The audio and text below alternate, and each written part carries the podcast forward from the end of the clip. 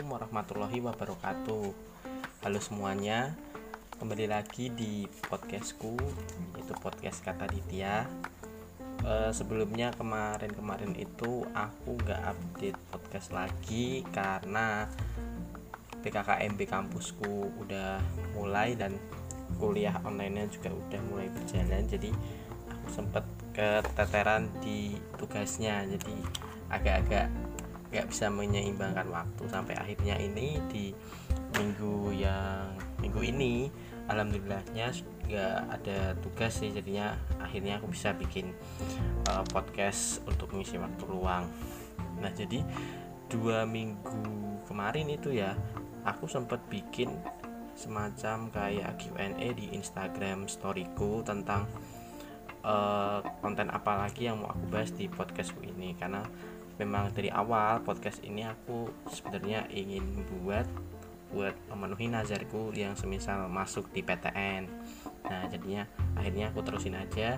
Dan pas aku bikin story itu alhamdulillah ada yang jawab. Nah yang jawab ini itu ada ada yang bilang kalau kak boleh bagi tips kayak gabier supaya bisa masuk ke PTN seperti ketika ayo atau apa segala macamnya nah ini mungkin bakal aku bahas di podcast kali ini.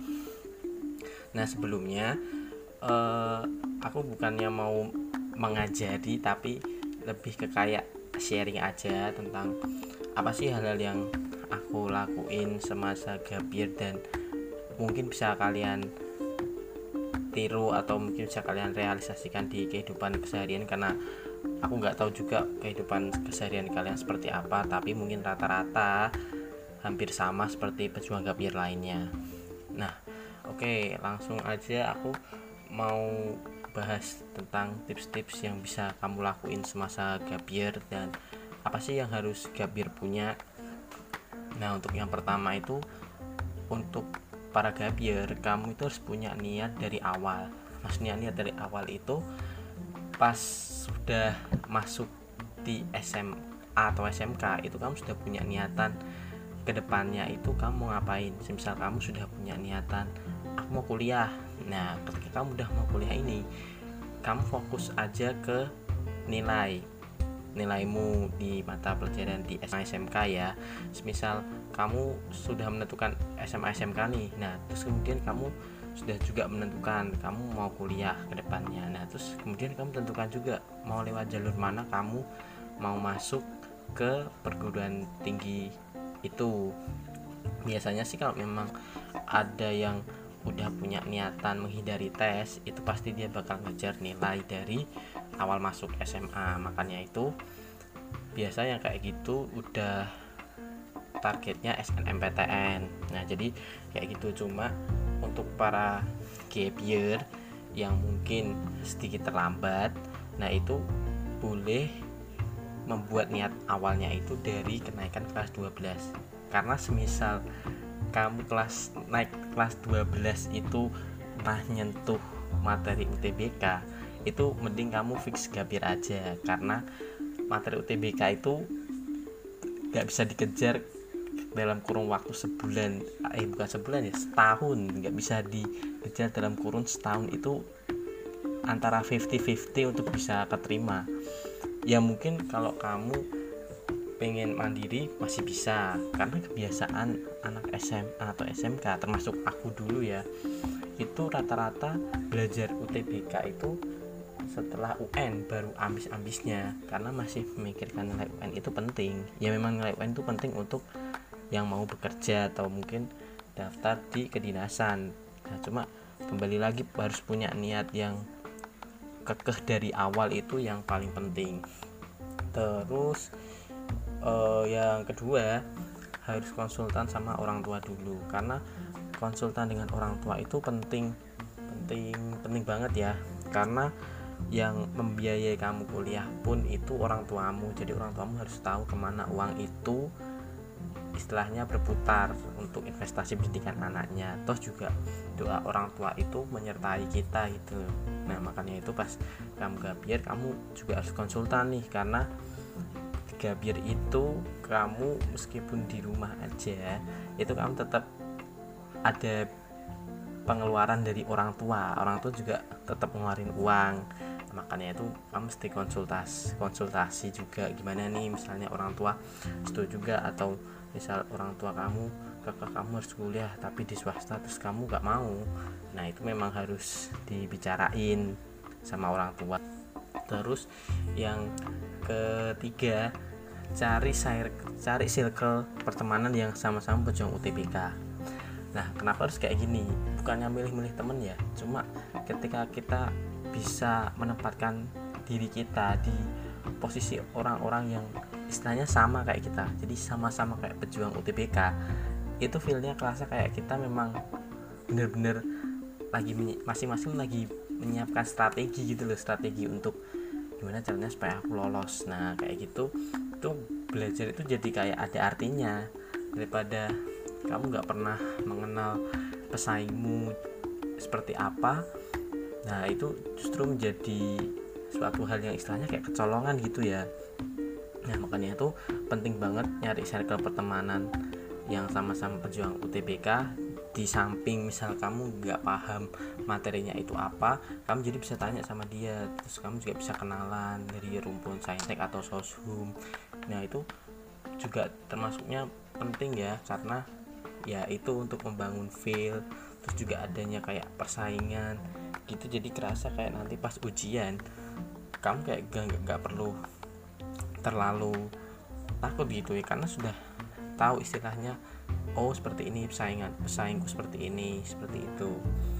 Terus yang keempat coba cari sampingan kerja. Nah jadi di Gabir ini sebenarnya ada beberapa opsi ya. Ya mungkin ada dua opsi. Yang pertama kamu bisa gabir sambil kerja atau untuk kamu yang misalnya orang tuanya itu istilahnya mampu lah nah kamu cukup biasanya sih kayak gitu dia di rumah aja di rumah itu benar-benar ngambis. Cuma biasa untuk orang-orang yang mungkin inginnya mandiri dan nggak mau ngerepotin orang tua karena setelah lulus nggak mau ngerepotin orang tua nah itu biasanya dia kerja. Ya kalau dulu aku sih aku kerja pas pas gapir tahu kerja dan sebenarnya ada manfaatnya juga kalau pas kamu gapir terus kamu kerja itu manfaatnya sebetulnya banyak ya. E, kamu bisa beli paket belajar online pakai uang sendiri. Nah jadi dulu aku beli kayak Zenius itu untuk satu tahun itu aku pakai uang gajiku sendiri gaji pertama aku langsung buat beli Zenius itu dan itu aku pakai. Alhamdulillahnya jadi nggak terlalu memberatkan orang tua. Terus aku juga beli beli buku buku latihan soal buku-buku bacaan terus juga bayar tryout sendiri. Ya intinya kalau misal kamu kerja sambil gabir itu kamu merasa kayak sudah bisa memenuhi kebutuhan gabirmu. Kamu sudah bisa beli alat perang sendiri gitu istilahnya. Nah cuma di samping itu juga pas kerja sambil gabir itu godaannya banyak maksudnya godaan banyak gini terkadang circle orang-orang bekerja itu ya aku bukannya bukannya menghina ya cuma dari pengalaman kemarin rata-rata circle orang yang ada di kerjaan itu rata-rata hanya lulusan SMA SMK dan ketika ditanya kok nggak lanjut kuliah atau apa? Jawabannya pasti kayak lebih ke ngapain kuliah gitu loh. Ya sebenarnya nggak ada yang salah sih karena itu memang pilihan manusia mau mungkin memang cukupnya untuk bekerja karena bekerja dan memenuhi kebutuhan hidupnya atau mungkin ada yang milih kuliah sambil kerja. Nah sebenarnya kalau kayak gitu nggak ada yang salah. Cuma kembali lagi ke diri kamu.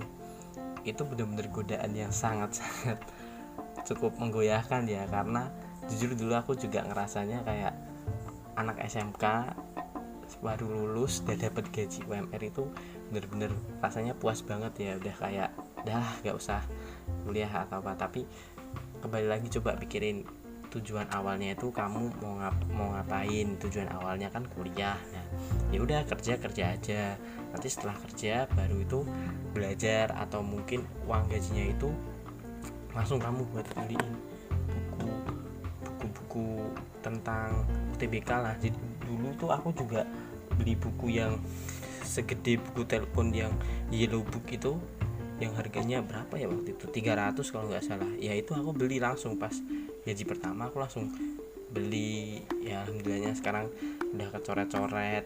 Nah itu kan jadi kayak rasanya seneng gitu. Jadi kalau mau belajar tuh semangat. Jadi kayak nggak perlu minta orang tua langsung aja beli udah. Nah makanya.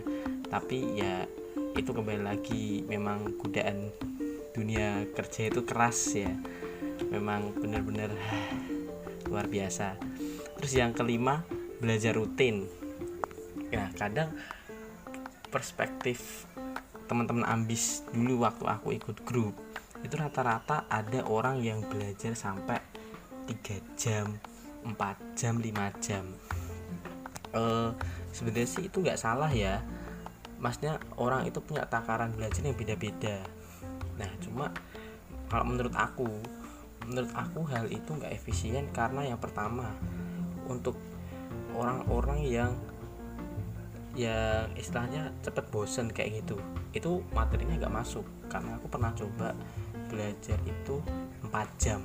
Aku rencanain belajar 4 jam full itu materi nggak ada yang masuk. Yang ada malah ngantuk. Jadi kalau saran aku daripada belajar habis seperti itu mending belajar sedikit-sedikit tapi masuk.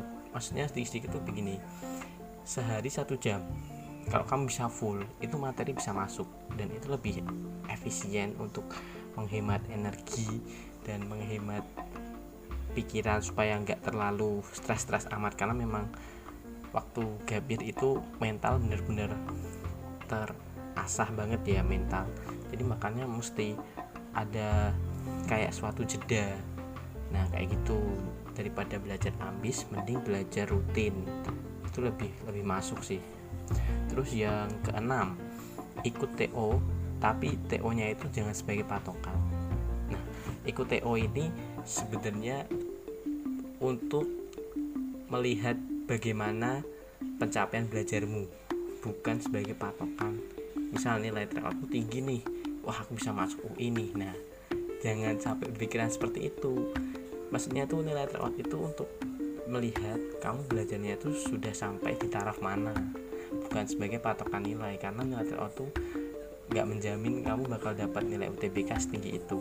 Nah kadang-kadang yang aku lihat di kayak FYP TikTok atau Twitter itu ya banyak kok yang nilai tryoutnya 600 700 800 tapi ketika UTBK dia nggak lolos dan setelah mendownload nilainya itu nilainya ternyata jauh dari tryout. Nah makanya itu sebenarnya itu sebagai pelajaran ya untuk jangan terlalu mematok nilai tryout. Ya waktu itu aku sempet sih ya kayak gitu juga. Tapi alhamdulillahnya ada teman yang ngasih tahu kalau jangan sampai nilai tryout itu sebagai patokan. Karena karena ketika mindset itu sudah tercipta itu nanti bakal menjebak sendirinya pas hari nah makanya itu sebenarnya ikut tryout itu bagus gak apa-apa. Cuma ya itu jangan sampai dibuat sebagai patokan.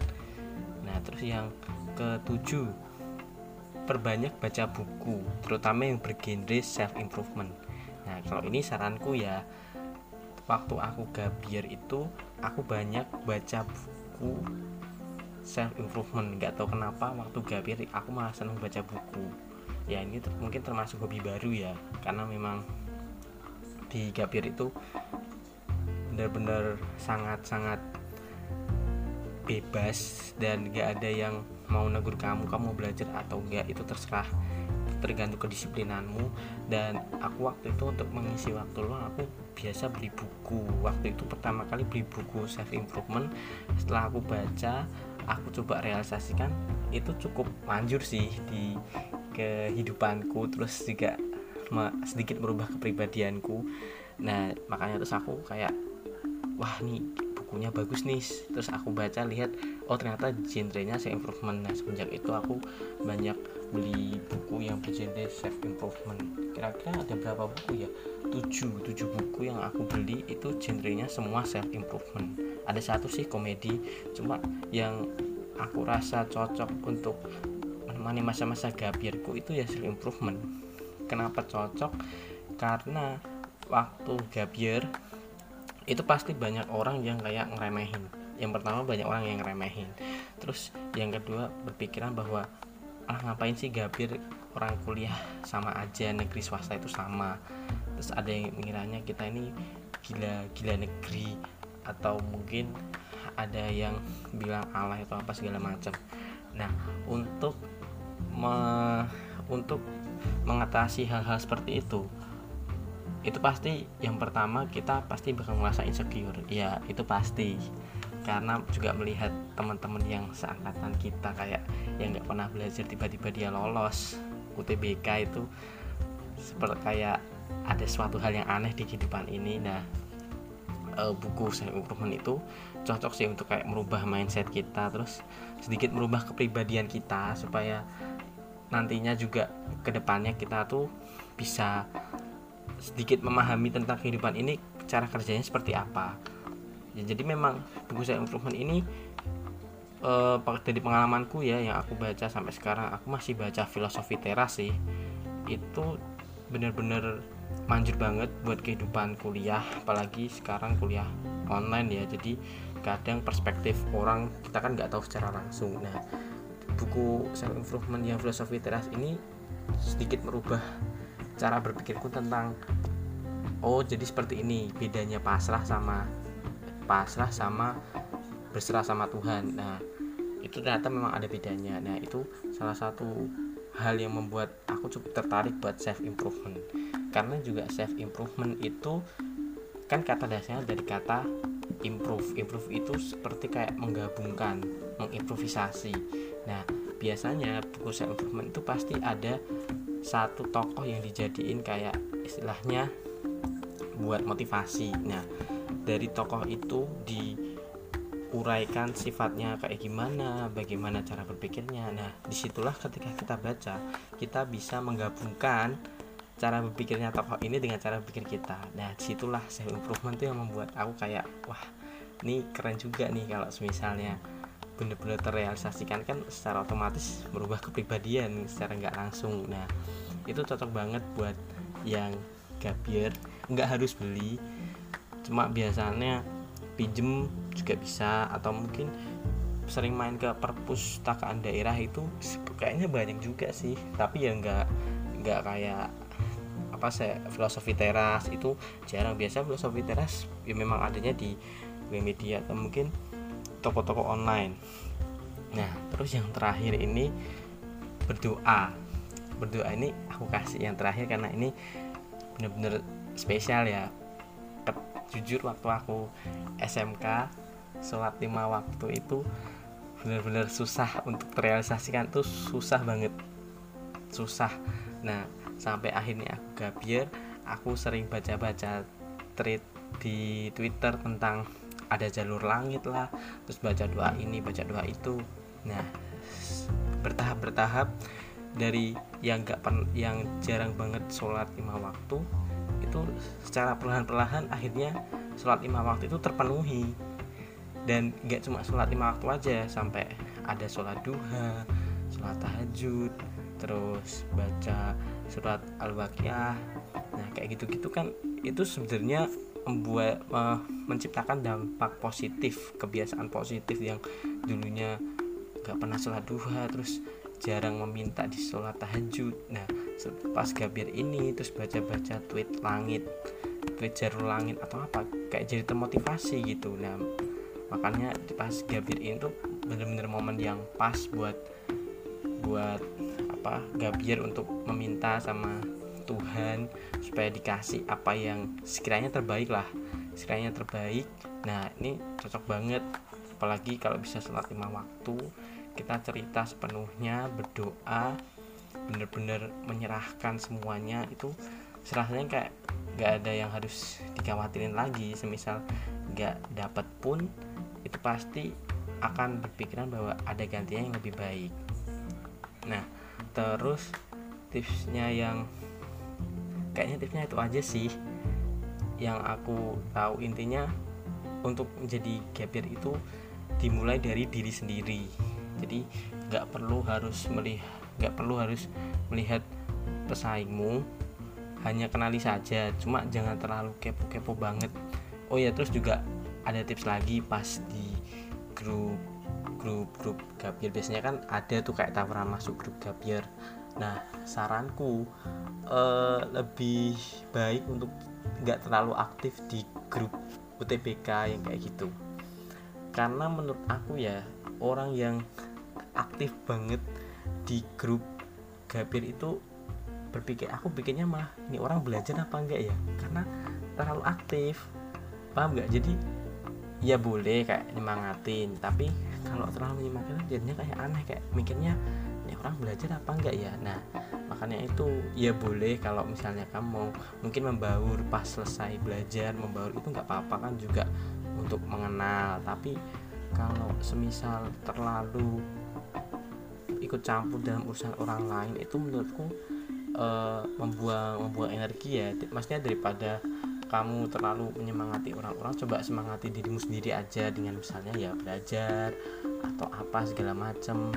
Jadi nggak terlalu aktif di grup karena pasti di grup itu ada yang bahasnya di luar UTBK nah yang kayak gitu semisal kita terhanyut nah itu biasanya kadang kita jadi lupa nggak belajar. Nah itu sih saranku.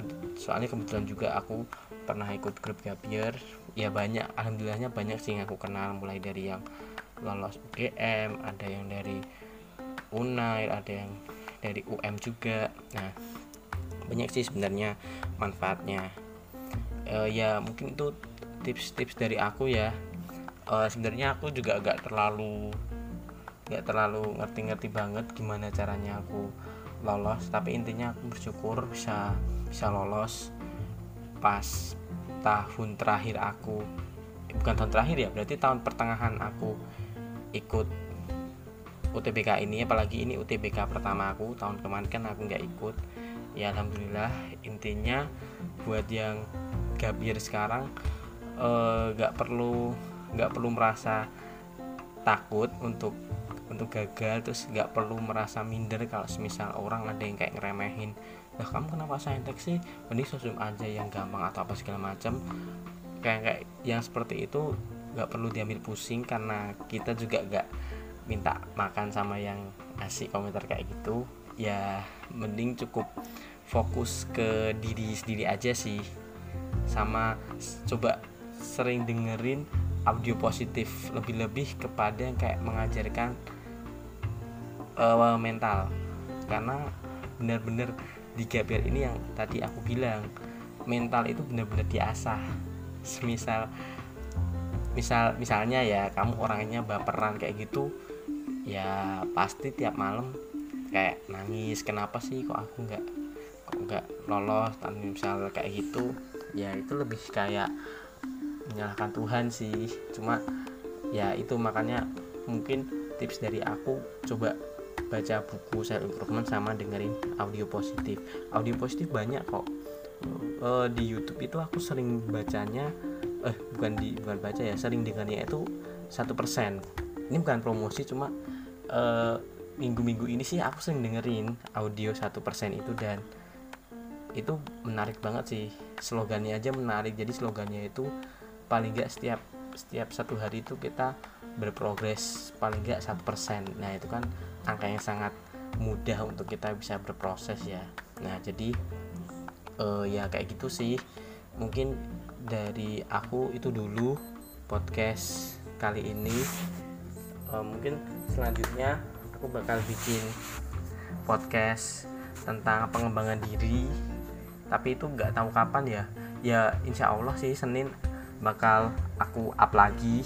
Lihat gimana nanti minggu-minggu ini dapat tugas banyak atau enggak? Kalau misalnya dapat tugasnya enggak terlalu banyak ya aku buat deh. Soalnya juga waktu itu ada yang minta untuk uh, pengembangan diri. Cuma ya kita sama-sama belajar aja karena aku nggak nggak terlalu pro pro amat. Aku cuma kayak aja sih kayak gitu. Oke makasih semuanya. Assalamualaikum warahmatullahi wabarakatuh